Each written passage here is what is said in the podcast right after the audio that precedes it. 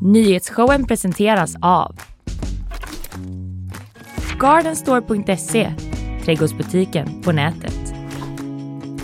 FKP Scorpio, missa inte morgondagens konserter. Art Portable, Sveriges marknadsplats för originalkonst. Zcooly, mattespelet som gör kunskap kul. Hallå, god morgon eller god dag om du lyssnar på podden senare. Vi är nyhetsshowen och när jag säger vi så talar jag om mig själv Kalleberg och dig Fanny Wijk. God morgon! Du, eh, idag så ska jag prata om det extremt våldsamma dygnet i Sverige. Två dödsskjutningar i Stockholmsområdet och dessutom en explosion i ett bostadshus i Uppsala där en kvinna i 25-årsåldern uppges vara död. Dessutom senare så blir det en uppföljning på skredet vid E6an. TikTokande ungdomar som drivit kommunen till att bygga ett jättestaket nu. Nej! Så är det. Vad ska du Typiskt. prata om? Eh, Jag ska prata om en amerikansk soldat som räddats av svenskar från Nordkorea. Wow. Mm, vilken grej! Ja, jäkla Duktiga vi. grej. Eh, Och ett dubbelt bygghaveri också. I Ankeborg. I Ankeborg, Alltså i översatt Göteborg. som Göteborg. Det fortsätter att gå åt helvete kan man säga. Det gör det. Vi ska få besök också. Ulf Rosvald kommer hit och eh, snackar om Bokmässans historia, om skandalerna som varit, om den excentriske grundaren, Mm. en av de två i alla fall, och eh, vad vi har att se fram emot i år lite grann. Bokmässan börjar ju idag, är ju Ja! branschdagen då, då. Ja just det. Men imorgon är ju liksom första dagen för... Den eh, riktiga dagen börjar imorgon när vi är där. Precis, ja vi ska ju sända där eh, både imorgon och på lördag faktiskt. Kan Jajamän. vi snacka lite med och sen eventuellt vi får, eh, inte ett besök till, men vi ska ringa till Joakim Magné också. Ja, Det är ju GPs eh, sportchef. ja. Han är på plats, vad gör nere, han är på plats nere i Rom för Nej. att eh, bevaka Ryder Cup som är ju är golfens liksom stora prestigelagtävling där USA möter Europa. Och där Sverige har en representant med då, vår nya golfstjärna, en ung kille. Det blir spännande. Dessutom bakvagn då. Camilla Läckberg anklagas för att ha spökskrivare. Anklagas av en AI dessutom. Nej! Mm. Typiskt. Jag ska prata lite om Spice Girls. Om Spice Girls, underbart. Vilken kompott, vilket program. Ja, verkligen. Eh, hur mår du annars?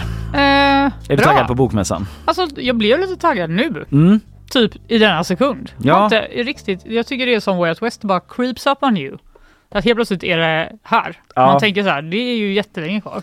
Det kommer väl kännas så ännu mer imorgon då när vi står på GPs eh, scen Mm. som GP har där klockan halv fyra. Vi har ju en jättestor monter på Bokmässan. Ja, Som alla älskar vill jag bara säga. ska man För dit så kan man komma så förbi. trevlig. Det är ett Mm. maxat program som kulturen har knåpat ihop. Det ligger på sajt eh, hela det Mm, programmet. Det är massa mm, fina författare och människor inte bara som kommer vi. dit. Det är inte bara vi. Som nej. ska vara där. Vi är där och liksom toppar upp det som Mm. eh, ett litet körsbär högst upp på tårtan. Exakt. Tycker vissa andra kanske tycker att det är typ så. Jag vet inte. Lena Andersson, Lena Andersson, Jonas Gardell. Marcus Berggren och sådär. Ja. Vi Nej, säger nej. att det är vi. Det är vi. Sen ska vi också sända på lördagen. Ja. Men då är det på Bokmässan har eh, De har en poddbox. en poddbox. och vi vet ja. inte riktigt vad det är, men vi har ändå gått med på att sitta i. Absolut.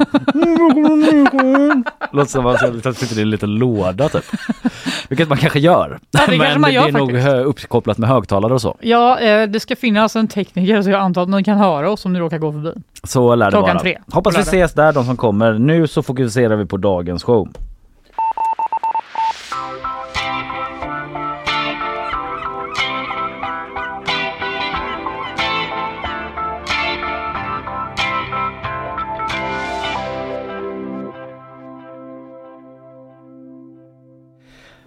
Du Fanny, det har varit ett extremt våldsamt dygn i Sverige.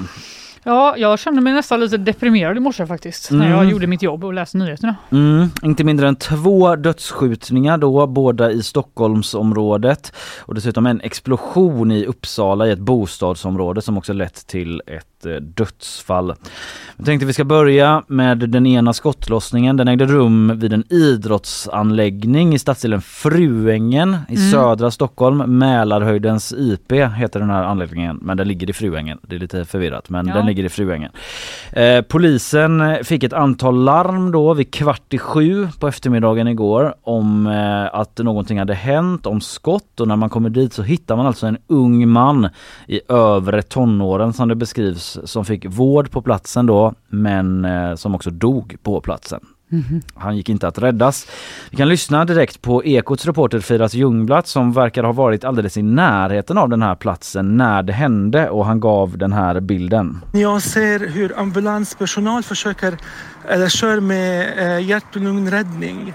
Det här är en, en stor sportanläggning vid Mälarhöjdens IP så det fanns många barn och ungdomar som sportade här. Mm, det är ju en del i detta att eh, detta skedde inför ögonen på mängder av ungdomar och mm. barn som var på den här platsen. Det är ju en större idrottsanläggning med fotbollsplan, en ishall och man kan göra andra idrottsaktiviteter där. Eh, jag har faktiskt varit där en hel del själv. För när jag mhm. bodde i Stockholm så eh, var det vårt lags hemmaplan där vi mm. tränade och sånt. Eh, så det är ju massa människor i omlopp där. Mm. Fotbollsspelare bland annat liksom. Och det här verkar ju då ha hänt alltså under eftermiddagen dessutom när flera barn och ungdomar är där. Vi kan lyssna på SVTs reporter som var på plats efter dådet och gav den här bilden. Jag pratade med två fotbollstränare som hade fotbollsträningar nu ikväll när det, de hörde skott och beskrev det som att barnen började springa i panik när de hörde skotten. Mm. Men Gud. Ja, fruktansvärda bilder som målas upp. Och den här skjutne killen då, vad vet vi om honom? Ja men det är inte så mycket men vi på GP skriver att han eh, enligt Expressen var en känd rappare rappare med eh, kopplingar till gängledaren Rava Majid, alltså den här kurdiska räven. Men det här är inte uppgifter som bekräftas av polisen utan det är Expressens uppgifter men eh, presstalespersonen för polisen Mats Eriksson han säger att det inte är helt osannolikt att det skulle finnas kopplingar mellan det här och andra dåd. Mm. Men ingen misstänkt är gripen i det här eh, läget. Eh, ett vittne som Ekot snackat med på platsen säger så här om den mördade. Jag känner honom sen han var 5-6 år. Vad är det för person då? Eh, han gick i samma skola som mina barn. Vad känner du idag inför det som har hänt här? Fruktansvärt. Det är speciellt så för många barn var här. Ja, och eh, polisen säger att man letar efter en bil, en grå Toyota med tonade bakrutor som ska ha setts i samband med det här mordet och ett vittne säger till DN att man ska ha hört fem skott då. Mm. Därefter barn som sprang och ropade skottlossning, skottlossning. Gud. Säger ett vittne att till DN. Att det är ändå top of mind för dem. Att det ja. är det som låter. Och det är ju det som är så bedrövande bland mycket annat men att eh, det verkar bli liksom ett inslag i barns vardag. Mm. Mm, i vissa fall då. Eh, det har rapporterats eh, tidigare faktiskt om oroligheter vid just eh, Mälarhöjdens IP. För drygt en vecka sedan så skickade idrottsförvaltningen i Stockholms stad ut information om att personer som ägnar sig åt kriminell verksamhet som de skriver ska ha rört sig i det här området och i flera fall konfronterat besökare. Det var liksom ett mejl mm. som gick ut då antagligen till klubbar och, eller som ett informationsmejl.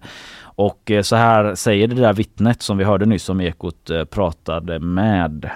Den här parkeringen var öppet marknad för knark i några månader. Jag själv jag har pratat med polisen två, tre gånger. Mm. Okay. Det är hans bild eh, från vad som skedde på parkeringen där som ja. ligger precis i anslutning då till idrottsanläggningen.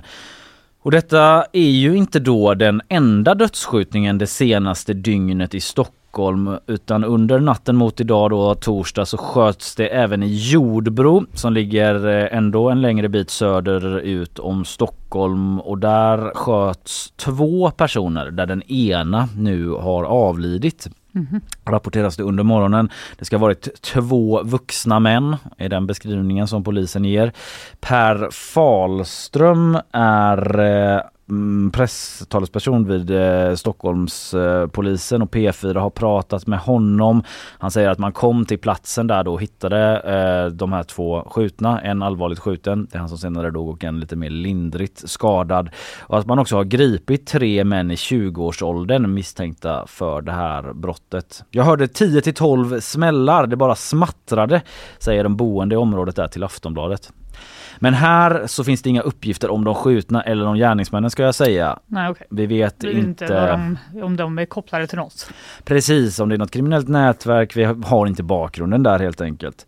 Och sen då så har vi eh, faktiskt en ytterligare skjutning som inträffade i förrgår som jag Mhm. ändå vill ta upp i samband med detta. För det har kommit nya uppgifter nu senaste dygnet om att den här 60-årsåldern som sköt i sitt hem i Åkersberga norr om Stockholm inte alls var måltavla för skytten. Ytterligare en sån händelse. Okej. Han ska ha gått ut på sin altan vid sitt hus eh, för han upptäckte att det brann där ute.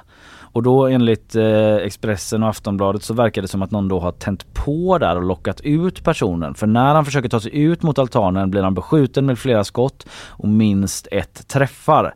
Och under gårdagen så beskrev man hans tillstånd som allvarligt men inte livshotande.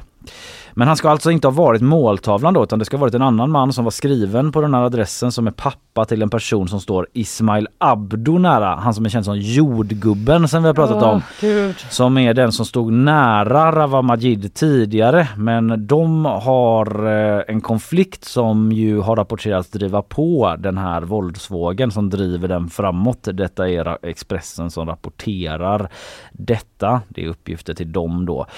Och till sist, eh, till sist för den här gången i alla fall, så har vi den här explosionen i Uppsala, i Storvreta, det är området närmare bestämt. Det kom alldeles innan sändning här att en kvinna i 25-årsåldern har dött efter den här explosionen. Och ett vittne säger till Aftonbladet att det var total förödelse. Två hus har stora skador och fönstren har spräckts på flera hus på gatan, säger det här vittnet till Ja. Aftonbladet. Då.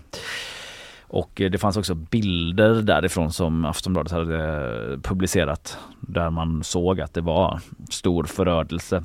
Och den händelsen vet vi väldigt lite om vad som är bakgrunden, liksom vem som ligger bakom, vem den här kvinnan är och så vidare. Men en kraftig explosion verkar det vara och den här kvinnan finns inte mer helt enkelt. Och så sent som igår så hade ju regeringen också innan de här händelserna eh, ett krismöte med fokus på just sprängningar.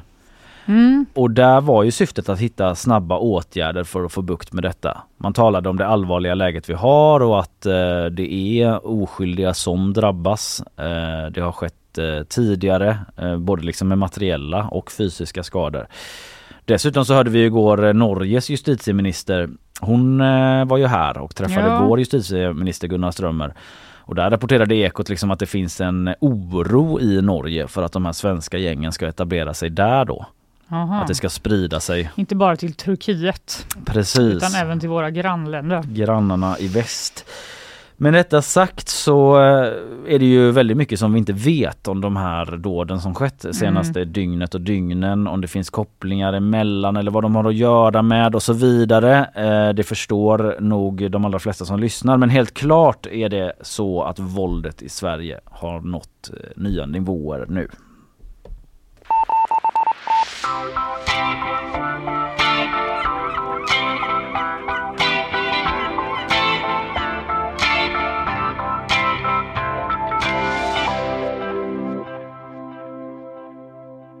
Vi lämnar det, våldsamheterna Ja, vi- i Sverige för Vi nu. lämnar Sverige, typ, Mm. och eh, beger oss till Nordkorea då. Ja, Ish. För vi ska prata om den här amerikanska soldaten Travis King. En mycket märklig historia. Jag har bara liksom mycket. läst väldigt lite så det ska bli spännande att höra Ja, nu. det finns en rad märkliga omständigheter kan man säga. Mm. Eh, Men det är alltså helt enkelt så att enligt amerikanska källor till SVT så har Sverige och svenska tjänstemän i Nordkorea då spelat en avgörande roll i att han har blivit frigiven därifrån nu. Vi har haft kontakt med Sverige nästan dagligen säger de. Och det är då, det rör alltså en 23-årig amerikansk soldat. Mm. Han har suttit, först, först satt han frihetsberövad i Sydkorea där han var anklagad för misshandel och att han ska ha vandaliserat en polisbil. Mhm. Eh, och då skulle de helt enkelt eh, eskortera honom till flygplatsen för att föra tillbaka honom till militärbasen Fort Bliss i USA. Okej. Där han då skulle få disciplinära åtgärder Mm. på grund av att han hade gjort sig skyldig då till den här misshandeln. Mm. Eh, men på något sätt så han åkte liksom till flygplatsen och gick igenom så passkontrollen Mm. och sen bara försvann han. Och anslöt sig till en guidad tur nära gränsen till Nordkorea. Det är så Ingen speciellt. vet riktigt hur han gjorde det, Nej. men han gjorde det i alla fall. Och eh, det finns då uppgifter om att han skrattandes ska ha avvikit från den guidade turen och sprungit in i Nordkorea. Jag trodde att det var ett dåligt skämt, men när han inte kom tillbaka så förstod jag att det inte var ett skämt, sa ett Mm. vittne till CBS Det efter så det här. There's a madman if I ever seen one. Springer liksom skrattandes in i Nordkorea. Han var fan vad ska de göra mot mig på den här militärbasen? Alltså jag förstår att det här är en svår fråga som du kanske inte vet svaret på men den här guidade turen, var den i närheten av flygplatsen då? Nej, Eller jag vet inte det, men- Tog han sig en lång bit och bara googlade fram typ? Eller Ja. man kanske måste ha en guidad tur för att komma nära gränsen i och för sig. Alltså jag tänker att de kanske utgick från flygplatsen och han bara "Ha, det- det- det- det." Ja, bara så- gled in. De hämtade väl någon folk där. Vet ja det vet vi inte. Det är märkligt i alla fall. Nej, men när han i alla fall inte då återvände till den här militärbasen så förstod ju de att han Mm. hade försvunnit och Sydkorea kunde då säga att nej, vi kan se att han gick inte på planet. Så Nej. han, han är liksom någonstans. Och ganska snart eh, kom då uppgifter från FN om att han helt enkelt satt fängslad i ett nordkoreanskt för- förvar. Så konstigt. Så himla konstigt. Och när USA då fick veta att eh, King, som ju då ändå är en amerikansk soldat, hade då korsat gränsen så kontaktade de Nordkorea och var så här. Han gjorde det på eget bevåg. Det här är liksom ingen grej som vi Ingen Håller på med- attack Nej, så. exakt. Bara, Mm. Det är inte vårt eh, fel att han har gjort då. Detta och enligt Nordkorea så ska eh, liksom, de, de var så här, okej vi hör er, men vi kommer inte bekräfta att han är här. Utan så här, det var en lång period där de inte riktigt visste Mhm. if, att han var där Mm. for a fact. Liksom. De är ju något hemlighetsfulla nordkoreanska regimen. Det kan man Sen säga. gammalt. Till slut så bekräftade de i alla fall att han var i landet och då gick de ut med ett uttalande där, eh, som sa att han ville lämna den amerikanska militären på grund av inhuman behandling och rasism. Så de var lite så här, ni suger Ja. militären, han vill hellre vara hos oss. Orasistiska Nordkorea. Exakt, som emot. tyvärr också har haft lite problem med att de också är lite rasistiska. Till exempel att det var så en militär som kallade Obama för en apa. Nej men, Ja, det var ju att, bland det eh, mest rasistiska man kan Det säga. kan man säga. Och då var folk så här, vänta lite nu. Ja. Är det verkligen så att han har det bättre där? Eh, de sa att, att han i alla fall hade eh, uttryckt en vilja att söka skydd i Nordkorea, alltså asyl. Mm. Men eh, går-. Att man ska ta det så här, men Jag då vet. least likely land att söka asyl. han bara, något ska jag få vara i fred från Mm. en inhuman behandling? Ja. Jag tror jag väljer Nordkorea. Men om man verkligen, precis, det är ju det mest antiamerikanska landet som finns i och för sig då. Men Det okej, det här säger Nordkorea då. Det här Mm. säger Nordkorea. Vi vet fortfarande inte något om vad han säger om det här, kan jag kan ju bara eh, tillägga. Nej, just det. Men igår kom då nyheten om att Travis King har utvisats från Nor- Nor- Nordkorea och befinner sig i amerikanskt förvar enligt AP. Och eftersom Sverige då är ett av få västländer som har en ambassad i Nordkorea så hade vi ett finger med i spelet. Mm. Eh, vi tackar Sveriges regering för dess diplomatiska roll som skyddsmakt för USA i Nordkorea och Kinas regering för dess hjälp med att underlätta transporten för King för att de gick till den kinesiska gränsen och fick över honom där. Drömgäst eh, hit, ambassadören, eller liksom, jag vet inte om han har en ambassadör där ens, men ambassadspersonal ambassaden. ja, i. Nordkorea. Det måste ju vara eh, speciellt jobb. Men jag tycker det låter så spännande. Ja, Det kanske blir en film av det. Vi ja, ja se. men, men de ska ha eh, bistått då, eh, de USA var, i detta. De eh, bokstavligt talat ledde honom över gränsen. Vilken grej alltså. Ja, bra jobbat tjänstemännen i Nordkorea.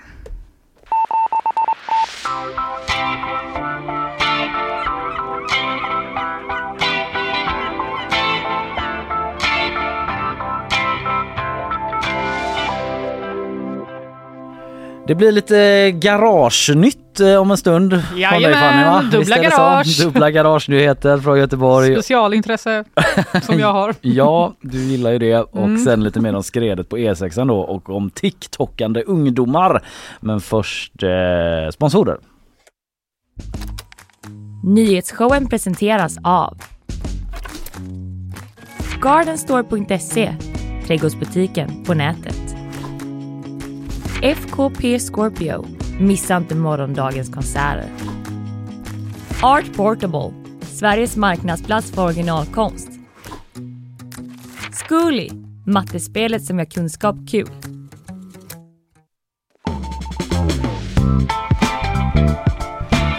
Ja, den eh, uppmärksamme lyssnaren eh, vet ju att jag brukar välkomna fram Isabella Persson till mikrofonen eh, vid den här tiden ungefär. Men hon är ledig och har semester och ersättaren har blivit sjuk och så kan det vara ibland. Ja, så kan det vara Me- faktiskt. mer nyheter till oss att prata om, så ser vi Mer det. eh, babbel från vår, vårt håll. Och det, jag vill inte kalla det babbel Fanny, men mer rapportering från dig nu Fanny. Ja, nu är det dags för det har ju gått typ en dag sedan sist så det är dags att prata om Västlänken igen. så är det. Ja. För i tisdag så berättade jag ju då om att eh, det här 2000 kvadratmeter stora underjordiska cykelgaraget som man planerade att bygga vid station Haga. Det ska skrotas! Ah. Planerna har skrotats eftersom det skulle kosta över 100 miljoner kronor att bygga. Det är dyrt ju. Man har inte dyrt. börjat med det ännu då. Man har absolut inte börjat med Nej. det. Man har bara gjort eh, en plan för att göra det. Och eh, nu Att någon är så så... bara, man kan ju också bara du vet låsa fast den vid en stolpe. Typ att det är lite där de har hamnat faktiskt. För att eh, så här, eh, Sagros Hama som är moderat och ledamot i exploateringsnämnden sa till oss på GP att över 100 miljoner kronor för ett cykelgarage, det går inte att motivera. Och det skulle dessutom bli ganska svårt att ta sig till det planerade garaget eftersom det skulle vara en rätt brant backe ner till det. Så att det var lite så. Ja. Eh, och alla partier förutom SD ställer sig bakom då att skrota planerna. Så eh, det kommer liksom gå igenom, det kommer Mhm. bli så. Och nu så har de kommit på att man istället ska bygga en billigare parkering ovan jord. Jaha, Det vill säga en vanlig men parkering. då blir min sadel blöt om det Ja, regnar. de, du kanske får ett tak om de har råd. Just det. Men eh, det kan man väl leva med kanske, tänker jag. Det- De kom också fram till att det var så här, ganska otryggt att ha ett cykelgarage där nere i underjorden. Eh, Så det fanns liksom många Att det kan hända shady business där. Ja, lite så. Och att det kan vara mörkt och typ bli en sån plats som är svår och det, det går inte bara förbi någon Nej, i underjorden om Ah, du inte då aktivt ska ställa en cykel där. okej, okej. Så det kommer att bli ovan jord, men nu visar det sig att det är inte bara alla som älskar underjorden som är ledsna för det, utan det har ställt till det för ett annat omtalat Västlänksprojekt, nämligen den slingrande ormskulpturen Rainbow Snake. Ja. Känner du till den?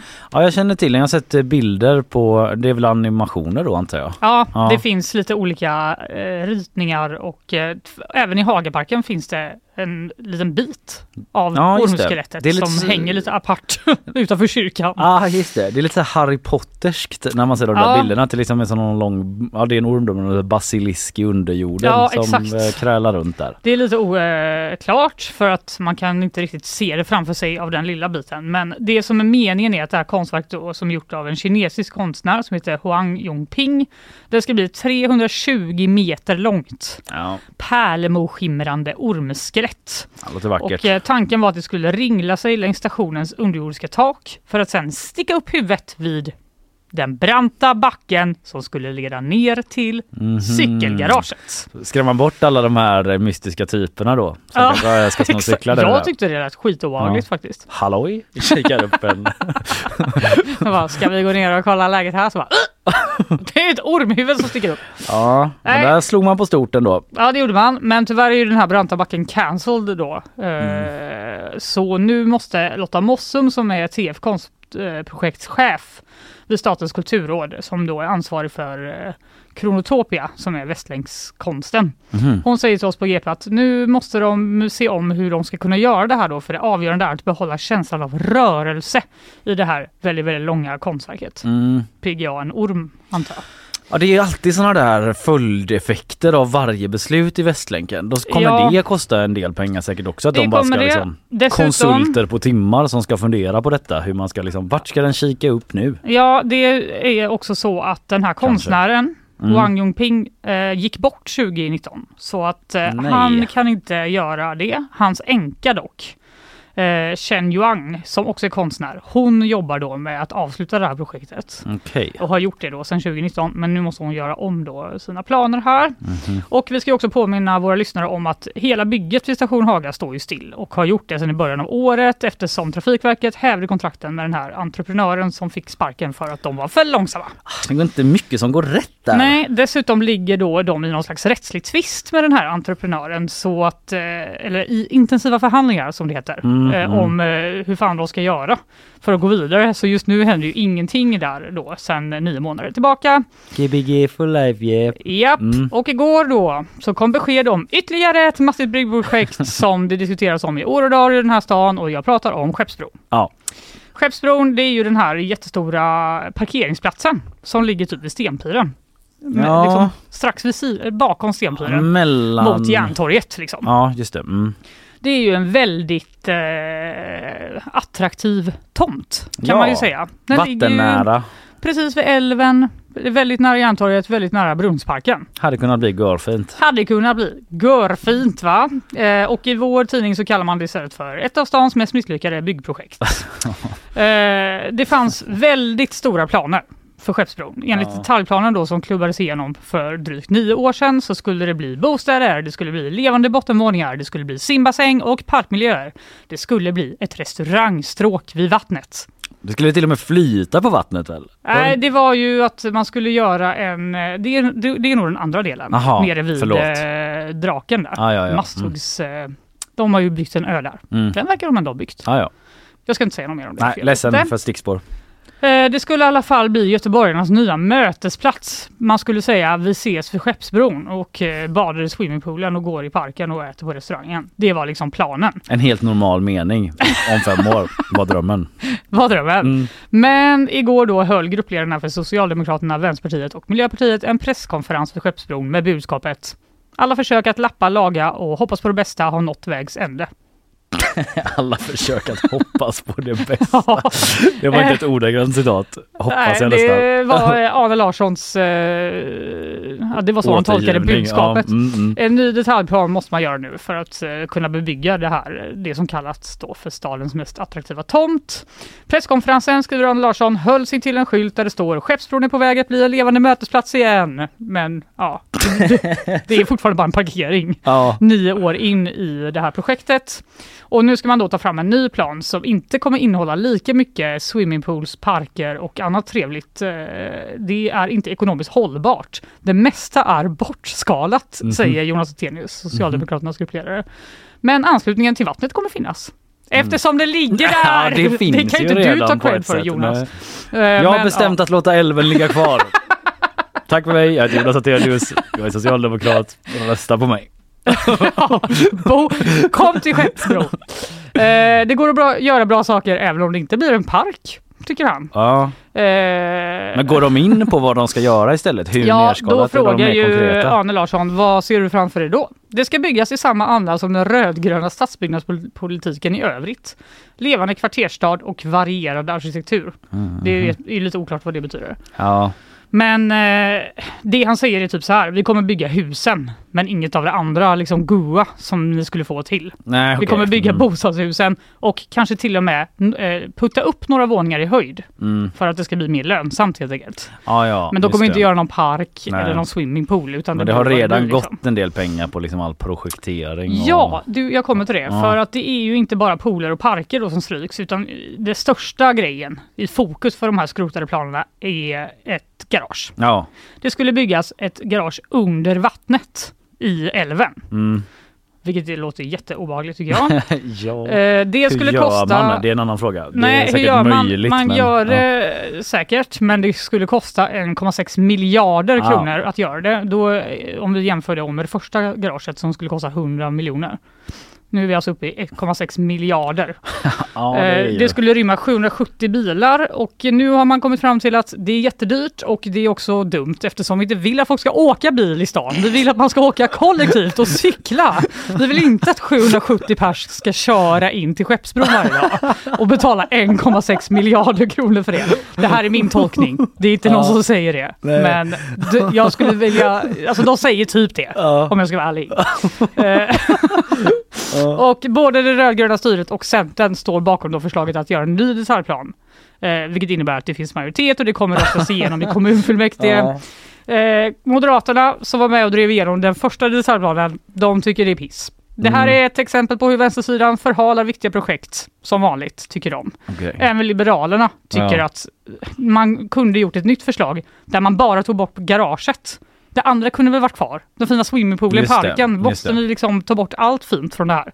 Eh, dessutom säger Ann-Katrin Fågelgren, då, Liberalernas gruppledare, att eh, de, har gjort en det- detaljplan där man kan få användning för resurserna som redan finns. Typ att man kan bygga ett garage där det redan finns ett garage.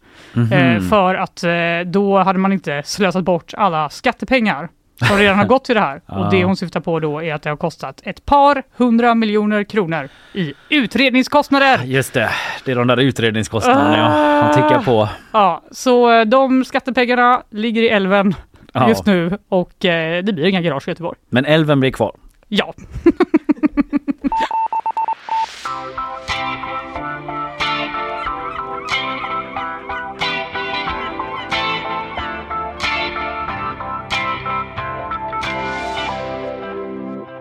Ja, vi ska hinna med att snacka lite mer om jordskredet vid E6 också utanför Stenungssund. Några uppföljningsgrejer Fanny, är du ja. redo? Ja, jag är redo. En grej som i alla fall jag hajade till på då är att ungdomar ungdomar citat försökt ta sig in på rasområdet för att spela in TikTok-videos. Nej! gör Sluta de kanske. ungdomar! Sluta jag och göra en så sån gör de absolut TikTok-dans.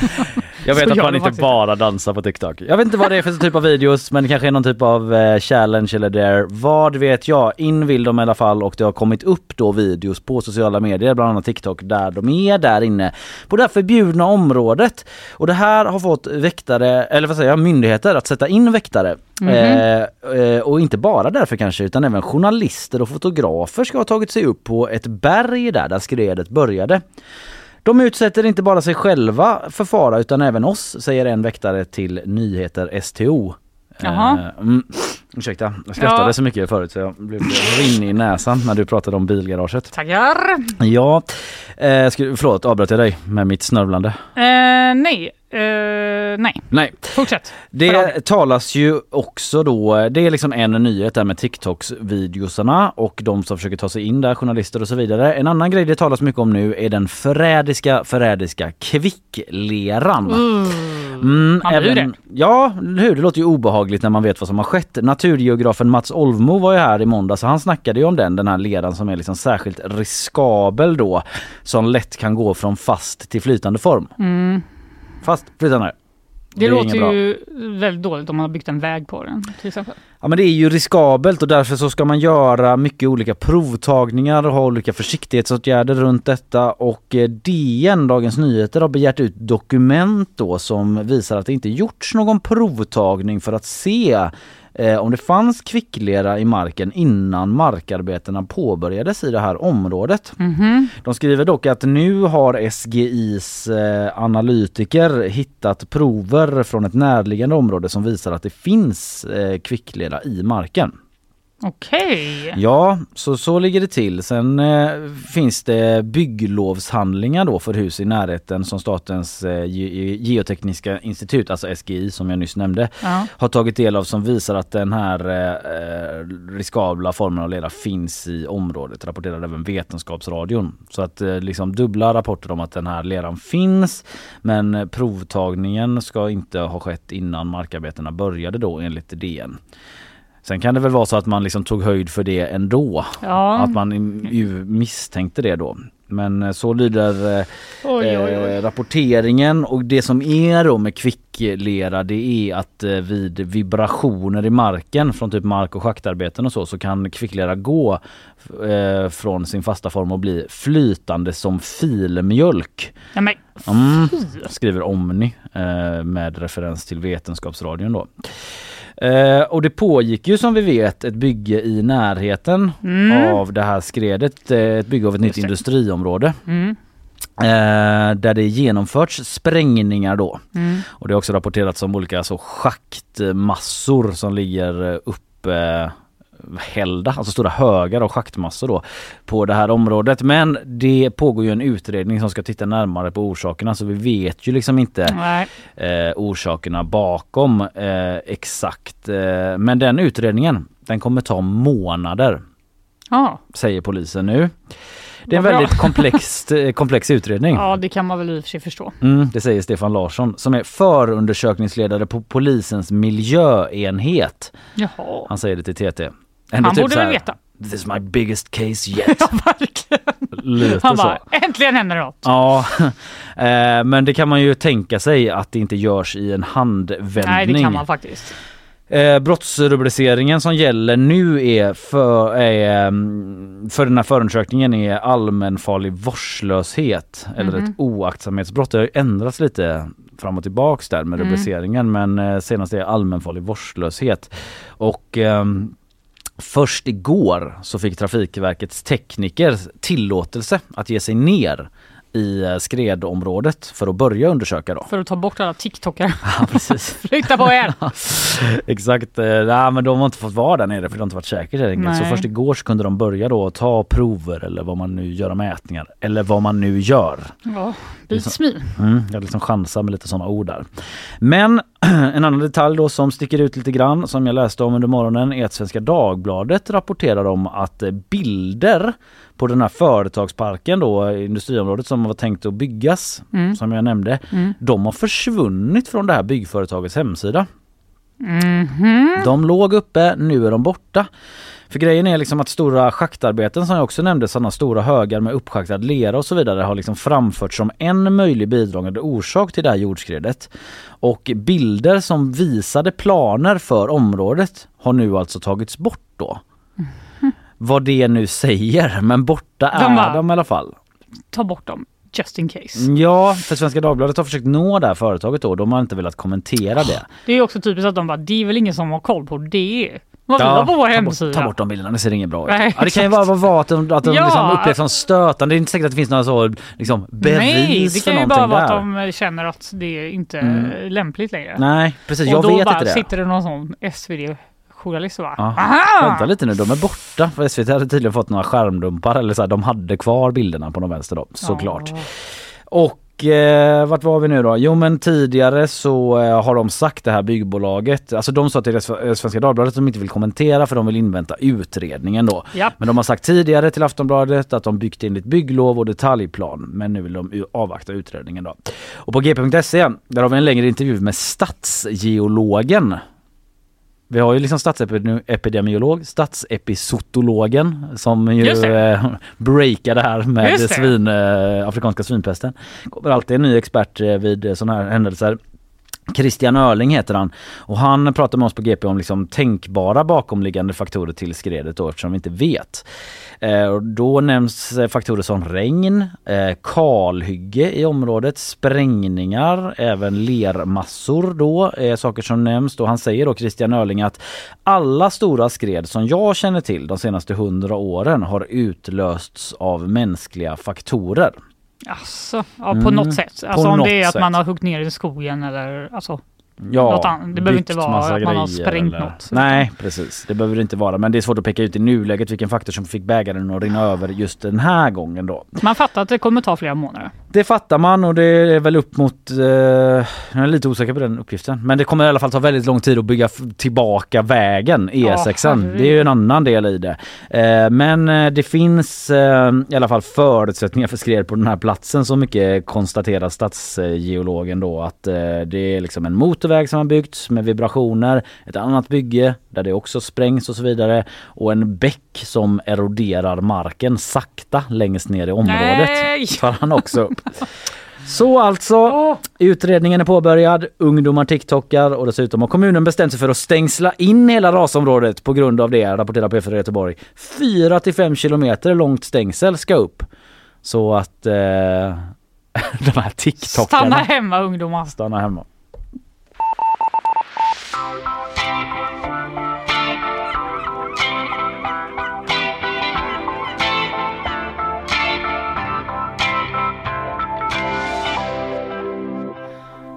Mycket information har ni fått till er lyssnare där Ja. ute idag. Vi ska snart få besök. Ulf Rosvald, vår kollega. Det premiär för honom. Ja det är det. Wow! Det är lite konstigt eftersom han är en sån eh, karismatisk och behjärtansvärd person. Verkligen. Här i kontorslandskapet. Han kommer hit, han har skrivit en bok om eh, bokmässan Ja, för eh, några år sedan. Men han eh, ska hjälpa oss lite att ta oss igenom bokmässans historia. Den börjar ju idag bokmässan med eh, branschdagen och sen är det liksom riktiga vanliga bokmässan eh, från och med imorgon då.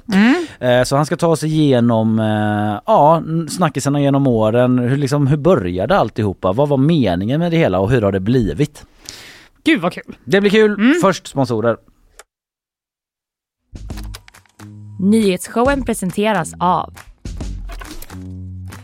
Gardenstore.se Trädgårdsbutiken på nätet.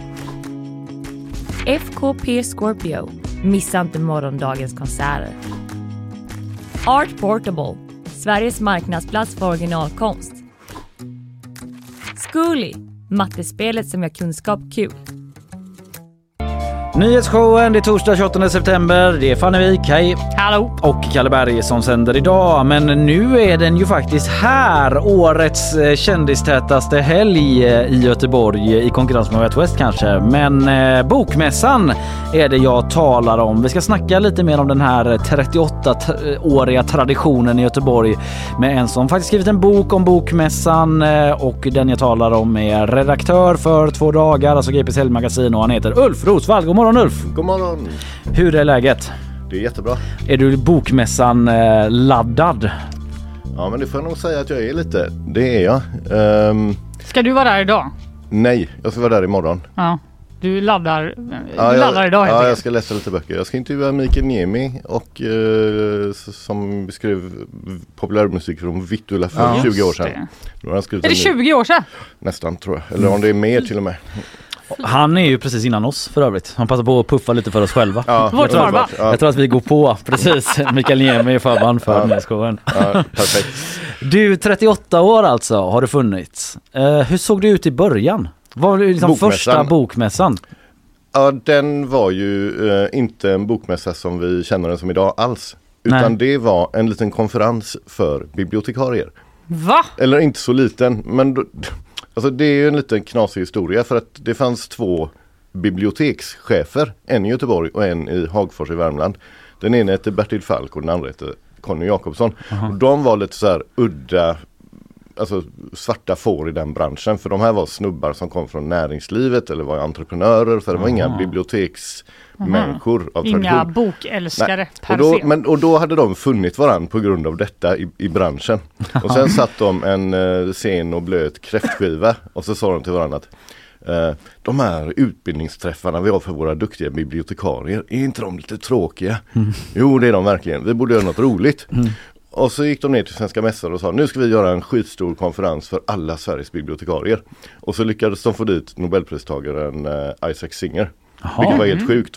Eh, Det var men ändå lyckades, helt sjukt, ja. till, till någonting som inte ens fanns lyckades de få in honom. Ja. Eh, och då kom han dit och så höll han ett fantastiskt föredrag för liksom 2000 bibliotekarier eller något sånt där. Mm.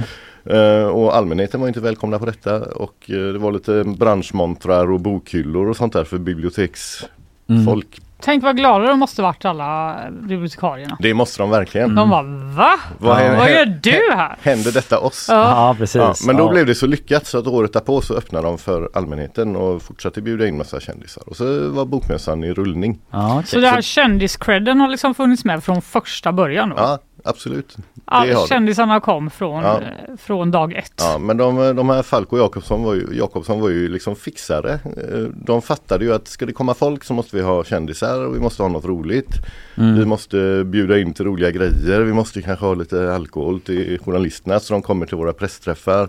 Vi måste boka coola lokaler. De hade pressträffar på Börsen här i Göteborg eller så bokade de Riddarhuset i Stockholm och sådär. Ja, De slog väldigt hårt på trumman. och Entreprenörssjälar. Ja men verkligen. Helt klart. Så Men att det är, inte, det är liksom ett litet familjeföretag från början. Men det det är inte är den här en- institutionen som vi är vana vid nu. Just det, men det är en av dem som är fortfarande aktiv.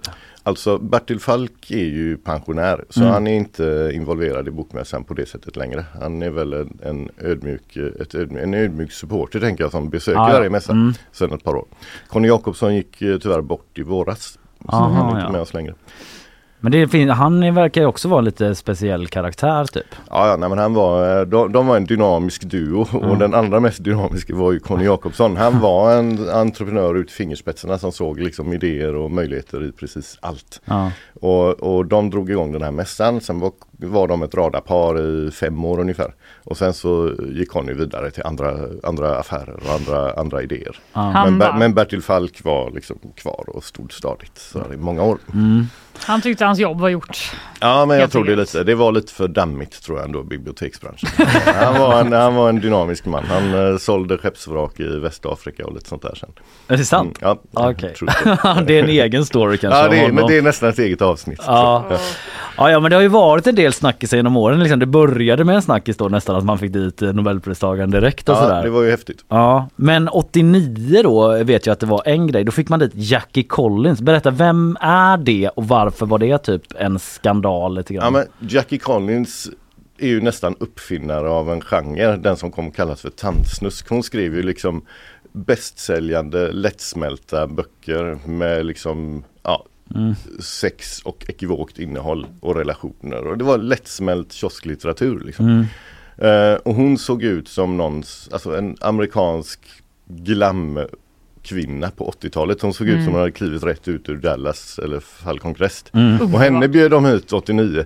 Och, och då muttrade folk för att det fanns, i början fanns det alltid ett skav mellan de här glada entreprenörerna som hade glidit in från sidan och startat bokmässa Ja. och den etablerade bokbranschen i Stockholm. Mm. De hade ju suttit där uppe och pratat jättelänge. "Ja, Borde vi inte ha en bokmässa? Mm. Så att de "Men bokhandlare och förlag, de stora förlagen och sådär. För då ville ju de driva detta. Ja, Men sen plötsligt kom det in två pajsare från Göteborg och startade istället och så var det plötsligt bokmässan. vad glad fick- jag blir. Ja, och, då, och då fick de, då och då fick Stockholms förlagen finna sig i detta. Ja. Och så fick de åka hit med all sin personal och all sin utrustning och ta hit alla författare. Och titta på Jackie Collins. Och titta, ja, men då var det också så här, det där är väl inte finlitteratur? Är det, är det detta vi ska ha bokmässan till? Ja, Ska vi sprida sån här eh, lättsmält sörja? ja, Och då var det ju liksom folk som sa, jag kommer inte dit om hon kommer dit. Och så. ja. Men eh, ja, Men de redde ut den stormen ja men det gjorde de ju verkligen. Ja. Det har ju fortsatt så. Det är högt och lågt. Det har Mm. ju varit bokmässans eh, signum kan man säga. Ja, och det har ju varit fler skandaler än så. För 97 så bestämde sig en massa stora förlag att de skulle bojkotta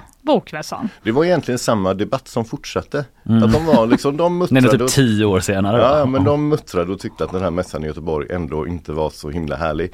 För det var dyrt att hyra monter, det var dyrt att resa och maten var dålig och luften på mässan var kass. Mm. Och, och, och de kunde inte riktigt bestämma inriktningen för det satt liksom kontoret här i Göteborg och bestämde. Mm. Så förlagens inflytande på vad som skulle hända var ändå lite begränsat. Så de var trötta och sura på detta och hela deras marknadsföringsbudget varje år gick ju åt till att skicka hela sin personal till Göteborg på Mm. hotellnätter. Ja, så då bestämde de sig för att bojkotta och så fick ja, Bonniers började och så fick de med sig massa andra stora förlag och Aftonbladet och sånt där. Eh, Men har det alltid varit den där, eh, eller det där liksom att man inte gillar att det är Göteborg? eh, Ja men poängen är ju att sen visade det sig att de gillade det nog ändå. Ja. Eller i alla fall så gillade ju all bokförlagspersonal Um, åka till Göteborg och bo på, bo på Gothia Towers och dricka vin och ha Ja, lite men du sa, något, du sa något igår när, när vi pratade kort, eller om det var i förrgår, att så här, ja man tänkte typ att eh, folk, eh, alla de här branschmänniskorna kanske ville ha det i Stockholm. Men problemet med det är ju att då, om det är ute i Älvsjö på mässan där, då måste de ju åka hem sen. Exakt, det är ju skittråkigt. Till sina familjer och Ja. hämta på dagis och laga mat och allting Ja. liksom. Så att det här blev ju som en tre dagars jobbfest i Göteborg. Ja. Så alla bara yay. Och det är det väl fortfarande? Det det är ju väldigt mycket Det är fest. väldigt mycket så fortfarande. Det är ju- har ju varit en diskussion va, om de här bibborna som smugglas in i diverse montrar Ja, som man inte får. Öppnas eh, Exakt. en halvtimme före mässans stängning. Och Det, är, det är något som folk inte vet om alla bokälskare. Nej. De gillar att festa. är vin, vinälskare. Inte bara, ja exakt. Men nu har de den där bokmässan liksom by night också så man har ju ändå eh, ridit vidare på Ja. den festvågen. Nej men så är det verkligen och det är Ja. väl härligt liksom. Men det ligger i DNA då lite Det från de här ligger- entreprenörerna? ja, det ligger absolut att i idén DNA. föddes på en kräftskiva Ja. och nu... De, jag minns Står- att eh, de gjorde, det var ju några, det var lite svajigt ekonomiskt i början. Så fick de ta in någon konsult och göra en genomlysning av finanserna, så här, hur ska Ja. vi gå med vinst? Så här. När externa konsulten häpnade ju över representa- representationskontot liksom. Det var alldeles för högt för en film av den här Jag har storleken. ett förslag. Om ni inte köper vin för alla pengar. Mm. Men Nu eh, nu vad hände ju- med bojkotten? De bojkottade och sen... Ja men sen, de kom ju tillbaka för att det visade sig vara så roligt. Och ingen, ingen tog förlagens parti heller. De blev inte vinnare. Om det innan var det så här, ja kanske, vem har rätt, vem har inte rätt. Ja. Så efteråt var det ändå så, fan vad tråkiga ni är som stannar i Stockholm. Det är ju här det händer. Ja. Mm. Och, och så De rökte väl lite fredspipa men eh, det slutade ändå med att eh, förlagen fick tugga i sig där och Mm. åka tillbaka. Och nu, eh, nu är det ju så supermega etablerat så nu finns det ju ingen sån diskussion. Nej, det finns ingen möjlighet att skita i det känns det ju som. Nej. Men den största kontroversen som folk idag kommer ihåg egentligen handlar väl om eh, för några år sedan då när eh, man tillät eh, den här, eh, gud vad heter de nu igen?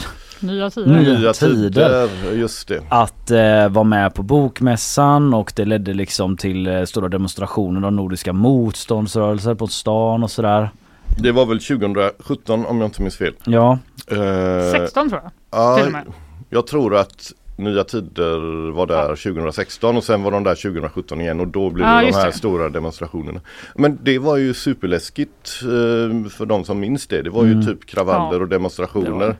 Eh, NMR tågade från ICA Maxi på Mölndalsvägen till ICA Fokus vid Korsvägen. Mm. En väldigt lång promenad för att handla. Ja, Men det var, ju, det var ju väldigt otäckt liksom. Det var Ja. ju kravaller i princip eh, som utanför bokmässans dörr. Ja, Och massa människor skrämdes bort och massa människor, massa författare och förlag eh, valde att inte vara här för de tyckte bokmässan var fattade ett helt galet beslut som För lät de ville ju- nya tider när högerextrema Ja. tidningen ställa ut.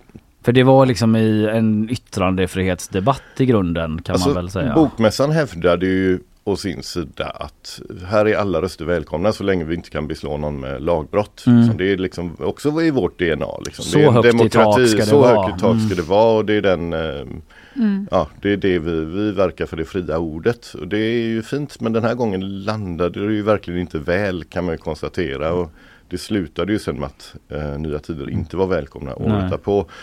Men ja, det blev ju inte bra och alla var jättearga och det blev väldigt eh, jobbig stämning. Sen vet jag att Bokmässan hävdar ju så här, ja ah, okej här är liksom 50 eller 100 författare som vägrar komma. Jaha, men ni åker till Bokmässan i Frankfurt varje år. Där finns kanske fem högerextrema Ja, utställare och då tar ni inte den här kampen. Så, ja. Nej. Men i vår kontext så blev det ju väldigt eh, obehagligt Ja. och väldigt jobbig situation för Bokmässan. Men det verkar de ha hämtat sig ifrån. Det har inte blivit någon längre backlash så utifrån det. Nej, Jag kan nästan uppleva det som att, alltså du vet när man, sådana där händelser så går det fem år så minns man det nästan lite vagt och så är man typ så bokmässan, nazister, fria ordet bara, ja det är ju faktiskt viktigt med det fria ordet. Vad bra att nazisterna inte fick komma. Eller vet att man ja, nej, men så är det liksom, ju verkligen och vi står ju Ja. här också. Vi har ju Ja. detta, vi tycker att detta hände nyss men sen måste vi ändå, vad var det som hände egentligen? Mm. Ja. Det ju- minnet bleknar fort. Ja. Så är det.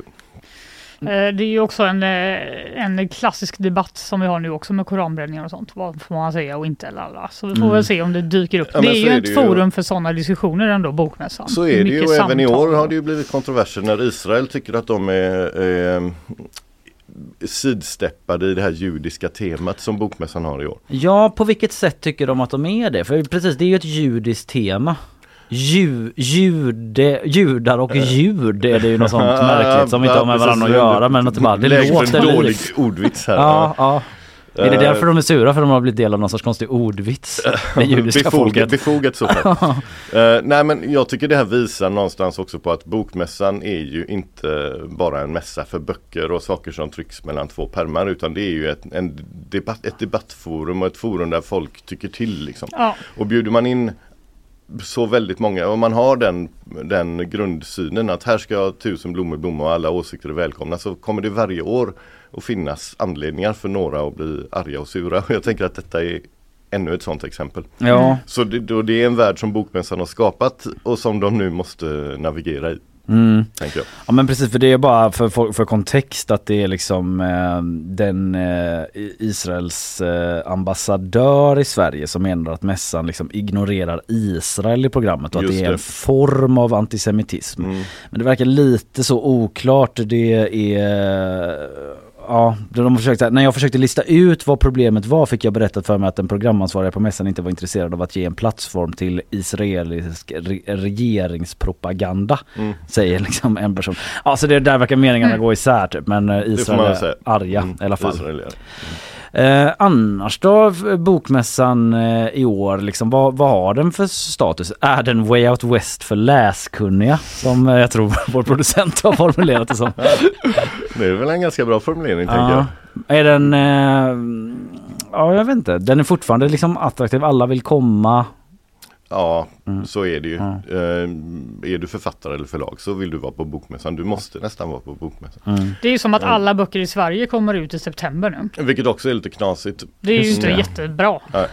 Alltså det är ganska dumt Ja, egentligen. men eh, egentligen är det så. det har, så mycket makt har de ändå. Mm. Mm. Det är också typ att alla kändisar då är i Göteborg en eller två gånger om året. Vilket kan vara jobbigt när man vill bedriva ett eh, radioprogram och få Mm. hit kända personer. Mm. Och Att så får man alla på en gång istället. Ja, plus att de kommer på eh, liksom dagen och eh, är ute hela natten och sen Ja. åker hem på helgen. Vill inte gå upp Mm. klockan sex och komma hit. Precis, Till- lite internt. Till en morgonshow. Ja. Ja, precis. Lite Ja, internt. nej men den bokmässan är väl eh, fantastisk. Sen är det ju så här, det är ju alla som har varit där vet ju också att det är lätt att bli liksom manglad av den. Det är ju Mm. liksom bara att titta på programmet i bara GPs monter. Mm. Vilka spännande författare och personer som, som vi ska träffa och intervjua Mm. i den montern. Det räcker ju för att bara sitta där en hel dag och få bli stimulerad och få Mm. intressanta samtal. Och Verkligen. sen pågår det då liksom tusen sådana grejer till så det är ju lite Är det något särskilt som du ser fram emot i år då? Som du spanat in? Alltså, ja men lite men jag har inte riktigt hunnit planera min mässa eh, sådär superbra ännu vilket jag verkligen rekommenderar för om man inte har gjort det så blir, så blir man ju bara manglad av den här väggen av ljud och människor. Ja. Men jag vill se, eh, jag tänker lyssna på min kollega Frida Rosengren när hon pratar med Anja Anja Jelinek som är matskribent i två dagar som är det. jätte, jätterolig. Som det var jag här. höra. Mm. Ehm, jag vill gärna lyssna på eh, Annika Nordlin som är GPs monter på lördag. Just det. jag missminner mig. Ehm, Ja det är ett jäkla stall med folk. Ja, det Eh, Jag vet inte att Diamant Salihu ska vara där eh, Ja. på mässan med hon Frida, eller vad- Dos Santos och prata liksom gängkriminalitet Jaha. och Kurdiska räven och så, så det är liksom en brett spektra av ämnen sådär också och alla poddar. Alltså jag har med liten utvikning men första gången jag var på bokmässan liksom för länge sedan, fast ändå ganska sent i livet jag var första Mm. gången, kanske var så 25. Men att jag verkligen slogs av hur jävla mycket kändisar det var där. Mm. Att man liksom överallt springer på dem typ. Att jag var ganska golvad det. Jag tog bild med en person och det var Carl Jan Granqvist av någon anledning. Rimligt. ja han var fan. Jag är Han säkert där i år igen. gick runt som en kung Det där är han inne. definitivt. Ja Vi Ulf. får länka till vårt program, GPs monterprogram. Det, Det är vi maxat. Där, Det är ni kan maxat. sitta där hela helgen. Det händer mycket grejer. Vi är där, du är där, Ulf Rosvall heter du för de som kom in sent här eh, som är redaktör för två dagar GPs helgmagasin och har skrivit en bok om bokmässan som vi har pratat om lite, bokmässans historia. Tusen tack Ulf för att du kom och hälsade på oss. Tack själva.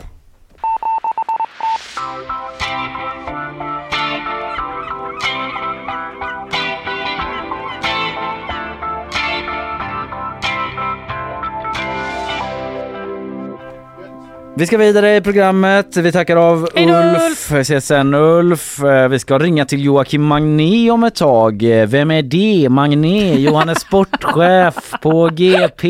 Åh herregud! Och han befinner sig i Rom. Härliga, soliga, vackra Rom.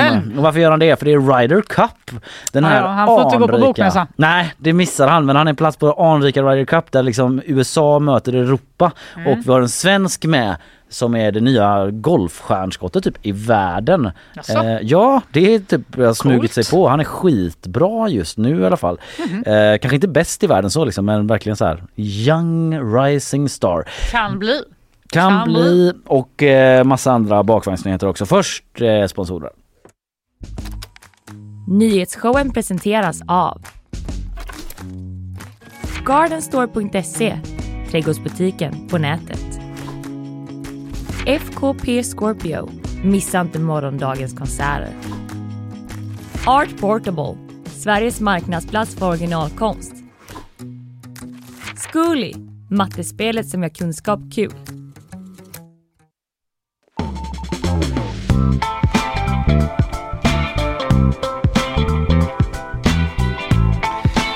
Nyhetsshowen heter vi även på Instagram där eh, man kan följa oss och på TikTok eh, där vi lägger upp en del gott content från eh, den här showen. Mycket danser. Eh, ja, jag. Absolut det är ju jag som liksom inte kan hålla mig från att ta några steg här ibland. Några från moves. mikrofonen. Lite så comedy dancing från mig. Eh, men nog om det. Nu vill vi prata om Spice Girls. Spice Girls ja. Mm. What about them? Nej, nej, det verkar vara så att eh, det pågår ett evenemang på Facebook Mhm. där det står att Spice Girls kommer till Ullevi i sommar. Va? Över 12 000 personer har visat sitt intresse Mm. för konserten, men Gotevent känner inte till den.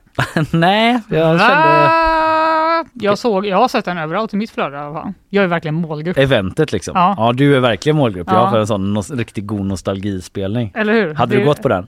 Ja, alltså jag hade så gärna velat gå på den. Ja. Det ska ändå sägas. Men det är någon som eh, har liksom försökt blåsa folk här eller bara Ja. ett, eh, liksom en, ett Jag LOL? eh, är inne på Aftonbladet här nu och eh, det står det står så här. För första gången någonsin kommer Spice Girls inta Ullevi scen och biljetterna släpps klockan 10 på tisdag. I alla fall om man ska tro på det här eventet. Ah. Och sen kommer de fram till att det är fejk. Eh, Aftonbladet har varit i kontakt med Ullevi. De säger att de eh, inte har någon kännedom om det här evenemanget eh, alls. Och då blir det ju svårt. Om Ja. de inte vet om att de har bokat Ullevi så kan de ju inte gärna spela där. Eh, och eh, de har då kollat upp lite vem det är Mm. som har skapat det här eventet. Ja, För jag menar rent liksom, praktiskt så kan ju vem som helst skapa ett evenemang på Ullevi på Facebook så att säga. ja, det känns väl inte typ olagligt att pranka 10 000 människor? Nej det är det ju inte. på det är ju, sig då, men- exakt, mm. det är ju frågan vad pranket ska gå ut på sen då va? Eh, för att det här Spice Girls-eventet visade sig är bara ett av 114 event som samma person står bakom. Okej. Så det är, så, det är ett riktigt jobb som den här personen har lagt ner. Men det är inte en person som säljer biljetter då till 10 000 Nej, så här står Då hade det. varit en större grej. När Aftonbladet når honom så svarar han så här. Mm. Jag är kreatör. Jag skapar saker. Detta är min senaste skapelse. Oho! Håll käften! Jävla tönt. Men Ahal säger så här. Eh, jag vill inte kommentera om eh, de faktiskt kommer komma. Eller inte. Nej, Utan det är någon slags mystik som ligger bakom då. antagligen inte om det här är en random person. Ja, och, eh, och ett Gotvent säger nej, de kommer inte komma. Nej. Eh, och eftersom det är så många fejkade event då så eh, det finns tydligen ett event som påstår att Bråvalla-festivalen kommer komma tillbaka nästa sommar. Den har ju lagts ner och det vet inte Scorpio någonting om, de som har Bråvalla. Skriver P4 Östergötland. Eh, och därför så har de helt enkelt ringt till socionomen eh, Henrik Palin, alltså Aftonbladet har gjort det, som är Mm. expert på ungas nätanvändning. Lite kreativt av dem att ringa honom. Ja, ja. Varför skapar man de här eventen? Han tror att det är ett bedrägeri i botten. Tror han det? Ja, man vill att alla kompisar visar att de är intresserade, alltså typ trycker intresserade eller kommer. Mm. Så att när man sen publicerar en köplänk så kommer de gå in och köpa biljetter eh, till ett evenemang som inte finns. Vet du att jag tror att det inte är så? Det tror verkligen inte jag Nej, heller. jag tror att det Förlåt bara... Henrik Wallin, socionom och expert på ungas nätanvändning, men du har fel! Ja, jag tror bara det är en trollning liksom. Ja, att Någon alla som bara, gör det ja, ja, for, ja. for laughs, for giggles. Men han säger så här, det räcker ju med fem köpare så har du dragit in 5000 spänn på ett event och det är en bra timlön. Mm. Hans tips är att eh, man, bara för att många vänner är intresserade av ett event så behöver du inte själv eh, gå med i det och köpa en biljett. Gå in på Spice Girls hemsida och kolla om de här. ens är på turné. Om de här 10 000 personerna hade hoppat ner för ett stup. hade du gjort det då? Ett tips, gör inte det då.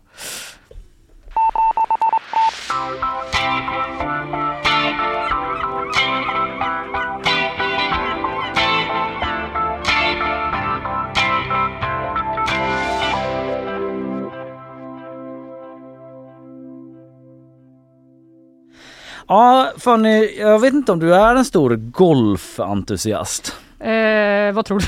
Jag tror inte att du är det. Nej, alltså... Men jag vill liksom inte sätta mina fördomar så på dig för du, över, du överraskar ju mig ibland. Nej men alltså intressen. så här, mina föräldrar har börjat spela golf. Är det så? Ja nu Mm. när de är liksom på äldre dagar. Ja. Så jag försöker ändå vara lite såhär, jaha, men det enda jag har lärt mig är att det tar sjukt lång tid. att de bara är borta så i åtta timmar. Bara, ja. Vad har ni gjort i åtta timmar? Det ska ju en, Spelat golf? en pensionär till eh, nästan. Eller ett proffs då som Ja, gör det på exakt. heltid. Eh, ett annat proffs som vi har med oss nu på telefon hoppas jag om allting är som det ska. Det är GP sportchef Joakim Magné. Hallå Joakim! Hallå ni! Hallå! Hej! Uteservering någonstans i Rom. Så, så ni får ursäkta om det liksom dundrar förbi en vespa där bakom. Ja, men det är ju Stackars dig. stämning också. Du står på en uteservering i Rom säger du. Vad är det för uteservering? Lite fr- mysigt frukostställe? Ge oss en bild. Hur ser det ut? Vad är det för väder? Ristorante Rossi heter det. Eh, Ligger i någon bakgata. Solen håller på att gå upp. Nej, den är uppe sedan länge. Och Rom håller på att vakna eh, samtidigt som jag håller på att vakna. Jag har tagit en dubbel espresso här så att jag, jag, börjar, jag börjar ändå bli lite människa igen. Ja, känner du dig som Kristina Kapelin, den legendariska Italien-korrespondenten för SVT? Jag önskar ju det. Ja. Jag önskar det. Jag försöker ju liksom eh, härma henne i allt jag gör egentligen. Får vi höra en gång då? Hur det låter när du sitter med en dubbel espresso till exempel? Ute på Roms gator så finns det tre... Men det var bra, det var bra. Mycket bra. Men du, du är ju inte bara där för att dricka dubbel espresso Joakim, utan idag börjar ju Ryder Cup. Vad är det för tävling och hur stor är den i golfvärlden? Ja, det, det är ju egentligen helt märkligt för att det är ju någon form av eh, tävling mellan Europa och USA där liksom de bästa spelarna samlas eh, från, från respektive kontinent? Ja. och, och möts, eh, möts vartannat år. Eh, det som är lite häftigt med den här turneringen är att i, i golfvärlden så är det väldigt pengastint i vanliga fall. Liksom, spelare spelar ju för att, för att vinna 40 miljoner när de spelar en tävling. I den här tävlingen så är det liksom utan pengar. Och de, de spelar bara för äran. Vad sjukt.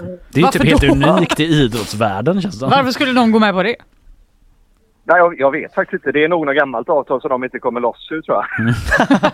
Men hur stark är rivaliteten då? Jag tycker alltid det känns lite förnedrande att det är liksom ett land mot hela Europa, även om USA är stort. Men eh, är det en stor rivalitet?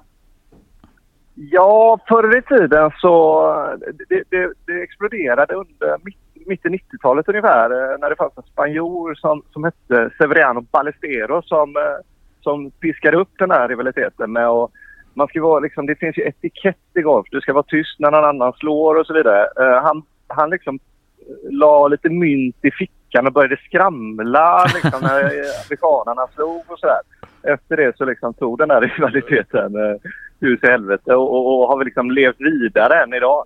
Eh, och det här väl min, jag tror det är den tredje Ryder Cupen jag är, jag, jag liksom är på. Och eh, jag ska, jag ska säga det, alltså det är publik liksom stämningsmässigt och sådär så är det bland det, bland det mäktigaste man, jag har varit med om liksom, i sportvärlden. Och då har jag ändå varit på, på liksom, fotbolls-VM och sådär. Ja men Eh, ge och oss en bild då för att bild, det man tänker om golf är ju de här golfapplåderna så svaga och liksom en ja, att man inte som får viskar. göra ljud Ja. alls. Jo, men hit kommer nog eh, de här eh, de, de brittiska fotbollssupportrarna tror jag och, och sätter lite färg på det. Eh, på, på fredag morgon där när första utslag kommer vara så eh, kommer det samlas kanske 10-12 tusen vid första hålet där de här spelarna ska, ska slå ut bollen. Men det är, är det bengaler och knallskott liksom? Det, det, det, ligger i luften ändå. Men fasen, de har en bra visitation där i, i, liksom, i entrén så jag tror inte de släpper vidare. Men däremot så sjungs det. Det är en klassisk, eh, klassisk ramsa som, som, som brukar sjungas på läktaren här. Det är den här Olé, olé, olé. Mm. Ah. Klassiker då. Klassisk sportramsa får man ändå säga. Ja. Men eh, ja, min fördom mot golf är ju att det verkar liksom trevligt att spela golf, men är det verkligen så kul att kolla på? Ser man ens någonting? Kan de här 10 000 personen liksom gå från hål till hål ja, och eller har de med kikare så? Att de bara... 10 000 kikare. Ärligt talat, ärligt talat så är det ju ingen höjdarsport att kolla på. Nej. Eh, det, det, det, det, är rätt, eh, det är rätt risigt att följa live för Man fattar inte vad som händer. Helt plötsligt så kommer några spelare till ett hål och så hoppas man att man liksom vet vad, vad, vad, vad som står på spel så att säga. Mm. Eh, så att så jäkla... Man, jag är här för stämningen. Så Ja, jag, säga. jag jag är förstår inte det. här så himla mycket för hur det går om Europa eller USA vinner. Men berätta, det är ju svensk medverkan då. Ludvig Åberg. Hur stort är det? Ja. Jo, det är ganska stort faktiskt. Framförallt så är ju Ludvig Åberg helt gigantisk. Han, han 23-årig kille från, från Eslöv som eh, blev proffs i somras och har inte spelat så himla många tävlingar egentligen. Men eh, har gjort det hur bra som helst när han liksom kom ut på torerna. Mm. Eh, så nu, eh, alltså det, det, det är det enda folk pratar om i golfvärlden huruvida han ska liksom bli den nästa eh, megastjärnan inom golf. Och inte bara i Sverige utan liksom hela världen. Det är ju helt häromdagen sjukt. så- Ja, förlåt, fortsätt. Nej, men häromdagen så, så var det en presskonferens eh, där han, där han liksom fick, eh, fick säga, säga vad han tyckte. Och så fick jag frågan från en brittisk journalist här att eh, om du skulle ranka dig själv bland liksom, kända svenska namn som eh, Zlatan Ibrahimovic eller Björn Borg eller ABBA för den delen. Mm. Hur, vad, vad skulle du hamna där någonstans? Och så tittade han bara en tyst en liten stund och han det. Nej, jag skulle inte nämna mig, mig själv i, liksom, eh, med storheter som ABBA. Nej. Sen var han tyst bara. Okej, Lite han verkar lite skön alltså. Profil. Men Ja, en annan profil ja. som inte är med det är Henrik Stensson då som är väl kanske Sveriges bästa golfare. Varför inte han med? Eh, han skrev ju på för den här uh, LIV-touren, en ny tour som startades för eh, två år sedan eh, från den här saudiska publice- eh, statliga pub- eh, investeringsfonden. Eh, eh, ja, en, en Saudi-ägd Mm, liga helt enkelt mm. som, som han blev värvad till. Eh, Henrik Stenson skulle ju egentligen varit kapten här eh, för, för det europeiska laget men, men blev avsatt på grund av att han skrev på för den saudiska ligan istället. Mm. Han var inte så sugen på att tävla för no money. Eventuellt. Säger bara. Ja. Min Men- tolkning. Ja just det, men det där är en stor diskussion med sportswashingen och så vidare. Det kanske du får komma hit till studion och prata om eh, någon annan gång Joakim eh, när vi har lite mer tid. Eh, till sist då, hur eh, tror du att det går? Ja, Jag tror att Europa har ju inte förlorat på hemmaplan sedan 93. Så att de håller kvar den där spiken Ja. eh, och, och vinner. Ja. Eh, det tackar vi för. Joakim Magné, GPS sportchef alltså, som just har druckit en dubbel espresso på en uteservering i Rom och ska följa Ryder Cup. Eh, tack Joakim, vi ses när du är hemma igen. Tack hörni! Ha det gott! Hejdå! Vi, vi ska ju eh, ta oss vidare i programmet också. Blir du mer golfsugen nu Fanny? Alltså jag blir lite sugen Mm. faktiskt. Jag kunde tänka mig att åka till Rom. Ja, det var väl Jag vill mer spela själv men jag skulle kunna tänka mig att åka dit. Verkar ju skitkul. den där uteserveringen med dubbel espresson. Kanske är Den dit tackar vi ska åka.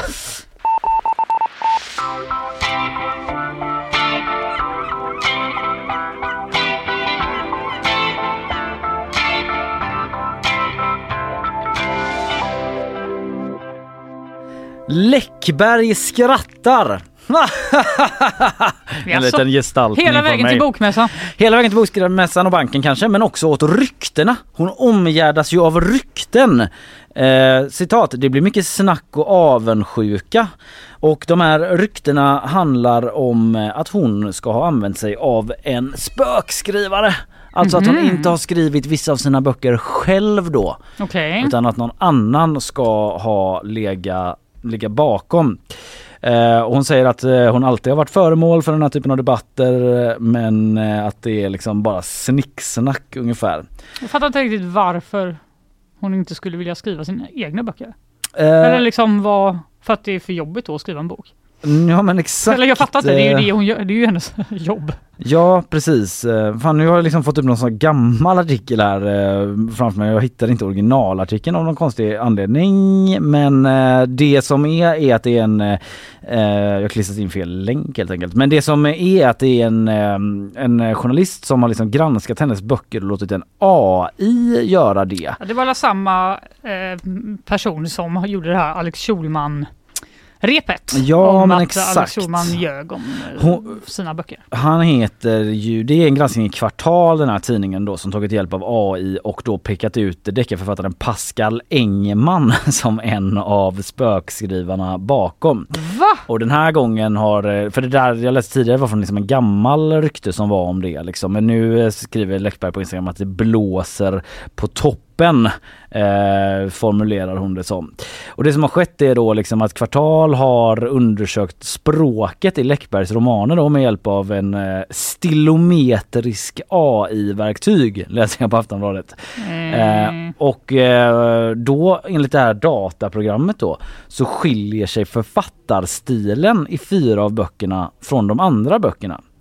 Och det handlar om böckerna Kvinnor utan nåd, Gå i fängelse och eh, En bur av guld och Vingar av silver. Jag vet inte om det är några du har läst. Nej. Men där fick du fyra titlar i alla fall. Bra tid. Ja. eh, och Ah, de förstnämnda två är de som liksom skiljer sig allra mest från ehm, från hennes vanliga stil. Och då är det den här Pascal Engman då eh, som anklagas för att ha eh, legat bakom någon av dem. Och han är också redaktör för flera av Camilla Läckbergs böcker. Ja, men då Ja. är det väl därför det låter som Pascal Engman. Det är ju lite det de säger liksom. Jag orkar inte. Instagraminlägg, eh, ja men precis att... Vet de vad en redaktör jobbar med? hon säger Texten! Texten All, alla han med. författare jobbar med redaktörer. Det är få av oss som, eh, det är de som får oss att kill our darlings, som får oss Ja. att blomma ut och så vidare. Liksom.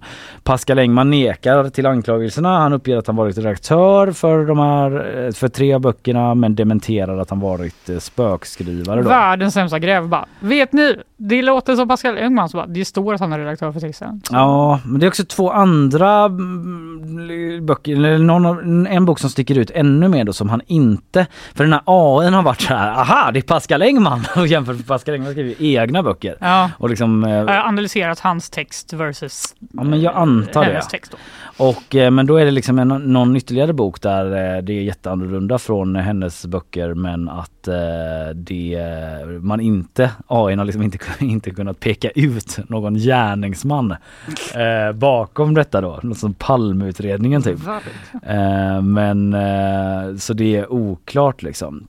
Men eh, det har ju varit sådana ryck rykten då som jag började med att säga om Camilla Läckberg i flera år att hon ska ha haft spökskrivare till vissa böcker. Men ja, som sagt, eh, hon menar liksom på att det är liksom avundsjuka, det blåser där uppe på toppen och i vissa fall har hon också pratat om att hon har liksom medvetet försökt bryta mot sin egen stil. Ja, hon har ju skrivit en miljon böcker. Låt henne. Ja, precis. Låt henne utvecklas Eh, men eh, som författare. kvartal i alla fall är liksom eh, på det med den här AI-granskningen. Jag hoppas inte man själv kommer AI-granska så att du bara så här, aha, det är Filip och Fredrik som har gjort den här praten. Eller något annat. Vi har inte råd att ta in dem som spökskrivare.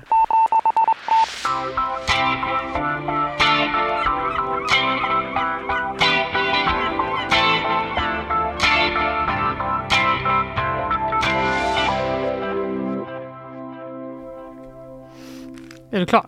Jag är klar ja. Jag är klar. Vill du tillägga något? Nej jag vill inte tillägga något, inte i nuläget. Nej, nu ska vi gå någon helt annanstans. SD-politiker hyllade mord, skyller allt på sin katt. Eh, det är något av de sjukare rubrikerna jag hört på eh, senaste Det veckan i alla är fall. svårt att inte klicka sig in på den. Men det rör sig om SD-politikern Lillemor Marcus Jonsson i Kalmar. Hon hyllade alltså en dödsskjutning på sociala medier men hon säger att det var kattens fel. Eh, och hon har haft en time-out då men är nu tillbaka i politiken. Och hon står fast för sin sak. Det var kattens fel. Jag kan förstå att folk inte tror mig, säger hon till Barometern. Ja, Ja, det kan jag också förstå. men vadå att katten ligger bakom, på hur då? Mm, jo liksom? men så här var det då. Ehm, att eh, lillemor Marcus Jonsson, hon eh, i juli så la hon ut en bild från medierapporteringen kring ett mord på en kriminell person. Mm. Och till bilden så eh, hade hon lite emoji-fest. Det var hjärtan, det var champagneflaskor och det var festsymboler. När hon delade Ja, den jag här förstår, nyheten. jag förstår. Mm. Och eh, Lillemor hon sa redan från början att det måste varit hennes katt som skapade bilden och publicerade den. Så fort hon såg inlägget så tog hon bort det berättar hon eh, för Dagens Kalmar. SD de eh, trodde inte på det. De sa du får ta en time-out. Men att katten skulle gått på telefonen typ. Ja, hon har liksom inte riktigt för- sagt exakt hur det har gått till. Hon Nej. säger bara jag kan förstå att folk inte tror på mig. Eh, Men då har de inte träffat min katt. Exakt. Folk verkar tro att katten har gjort bilden och så är det ju såklart inte, säger Lillemor. Men hon säger då att den har liksom gjort emojisarna och publicerat den. Det är lite så här, vad har hon för emoji-tangentbord på Ja. sin dator Ja. eller mobil?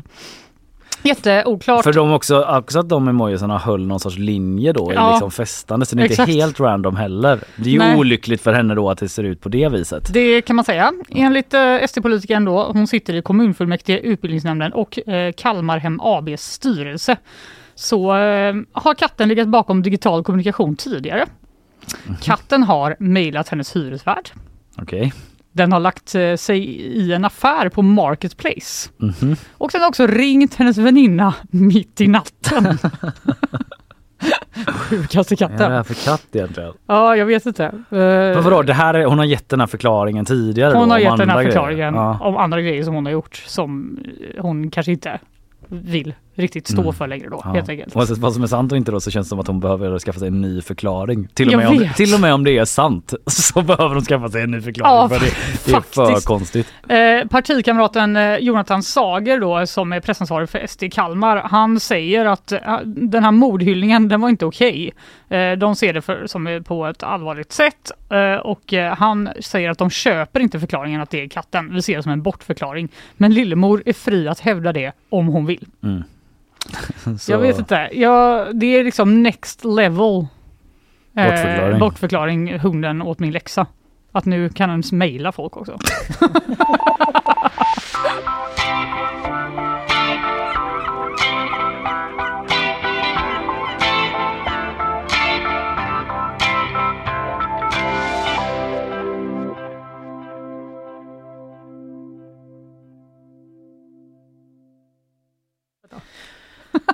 Vi står och väljer mellan olika saker. Antingen så är det om ett jetflyg som är trasigt eller så är det om... Eh, Eh, ja, men jag tänkte att vi skulle prata om det som du pratade om igår. ja, Den här nazistskandalen. ja, just det. Som eh, ju var i Kanada va? Mm.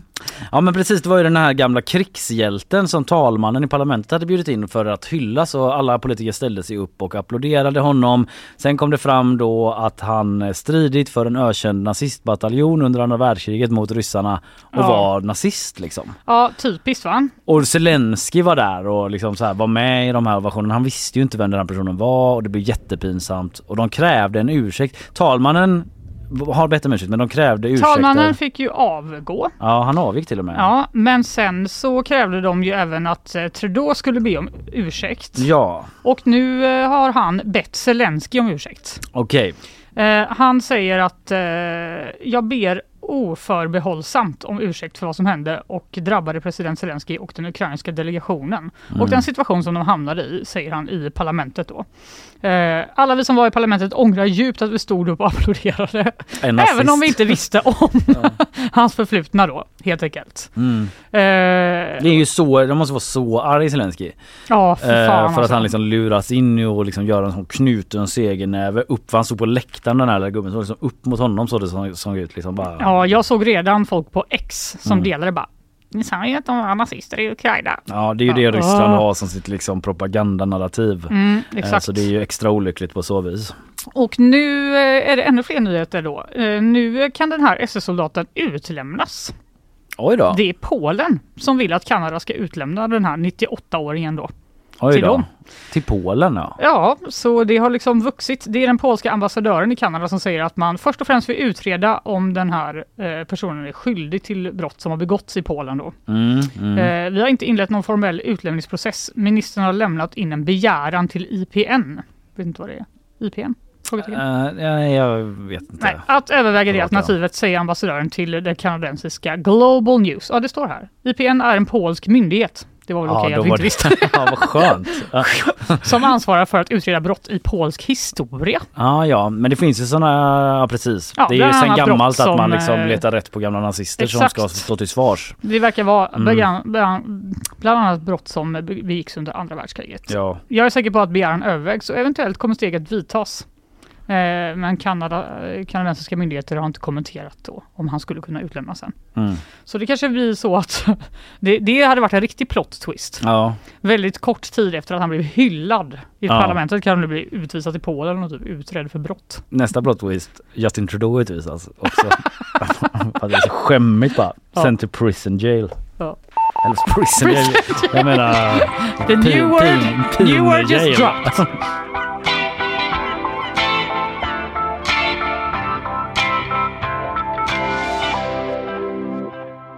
Bara säga angående Camilla Läckberg-historien och spökskrivaren. Jag visste att du inte kunde släppa men det. jag kan inte släppa det. det men det är för att vår kollega Caroline Widenheim har skrivit en jättebra artikel om det här på gp.se. Men jag råkade av någon outgrundlig anledning eh, halka in på en Aftonbladet-artikel.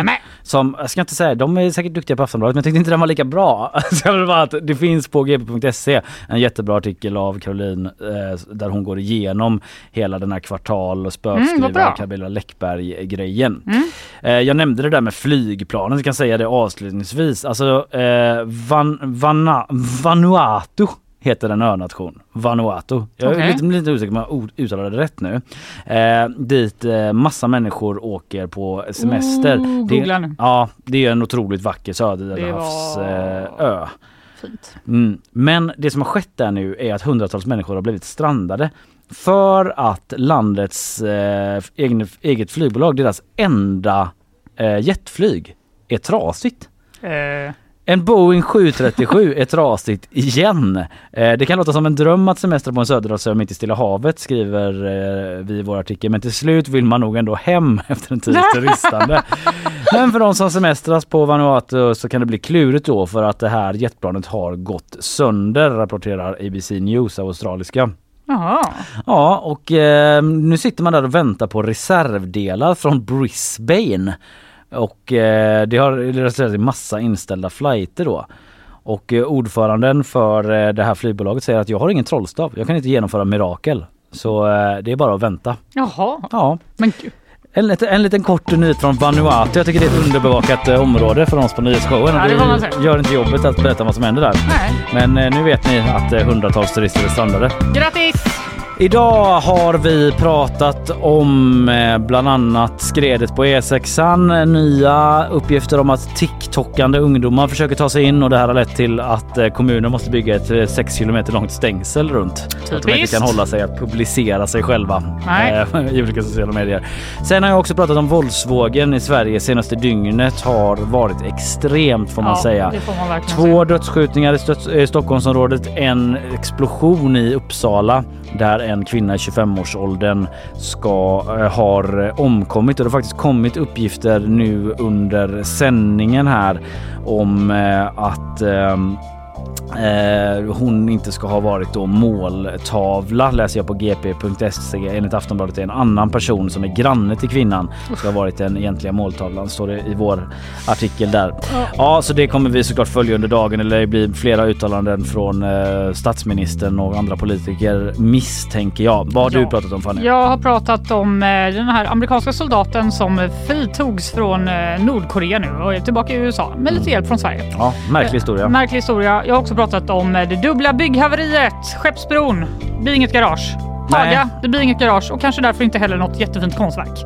Väldigt dråpligt. Väldigt dråpligt det hela. Det fortsätter. Ulf Rosvall var här också, vår kollega från Två dagar, redaktör där borta på Helgmagasinet. Snackade om bokmässans historia. Han har skrivit en bok om det. Skandaler genom året, Mm. eh, åren, hur allting började med två excentriska entreprenörer som ville hotta upp Ja, biblioteksvardagen lite grann. jag blir glad av den uh, storyn. Ja, verkligen. Nu står vi här idag ett gäng år senare med liksom eh, massa kändisar och folk som pimplar vin och så vidare. Ting eller tangel. Ja, vi ringde också Joakim Magné, GP Sportchef på plats nere i Rom då som följer Ryder Cup. Eh, Det var en eh, himla god inblick i det. Nu blir man nästan lite sugen på att ratta in den, hur fan man nu gör det.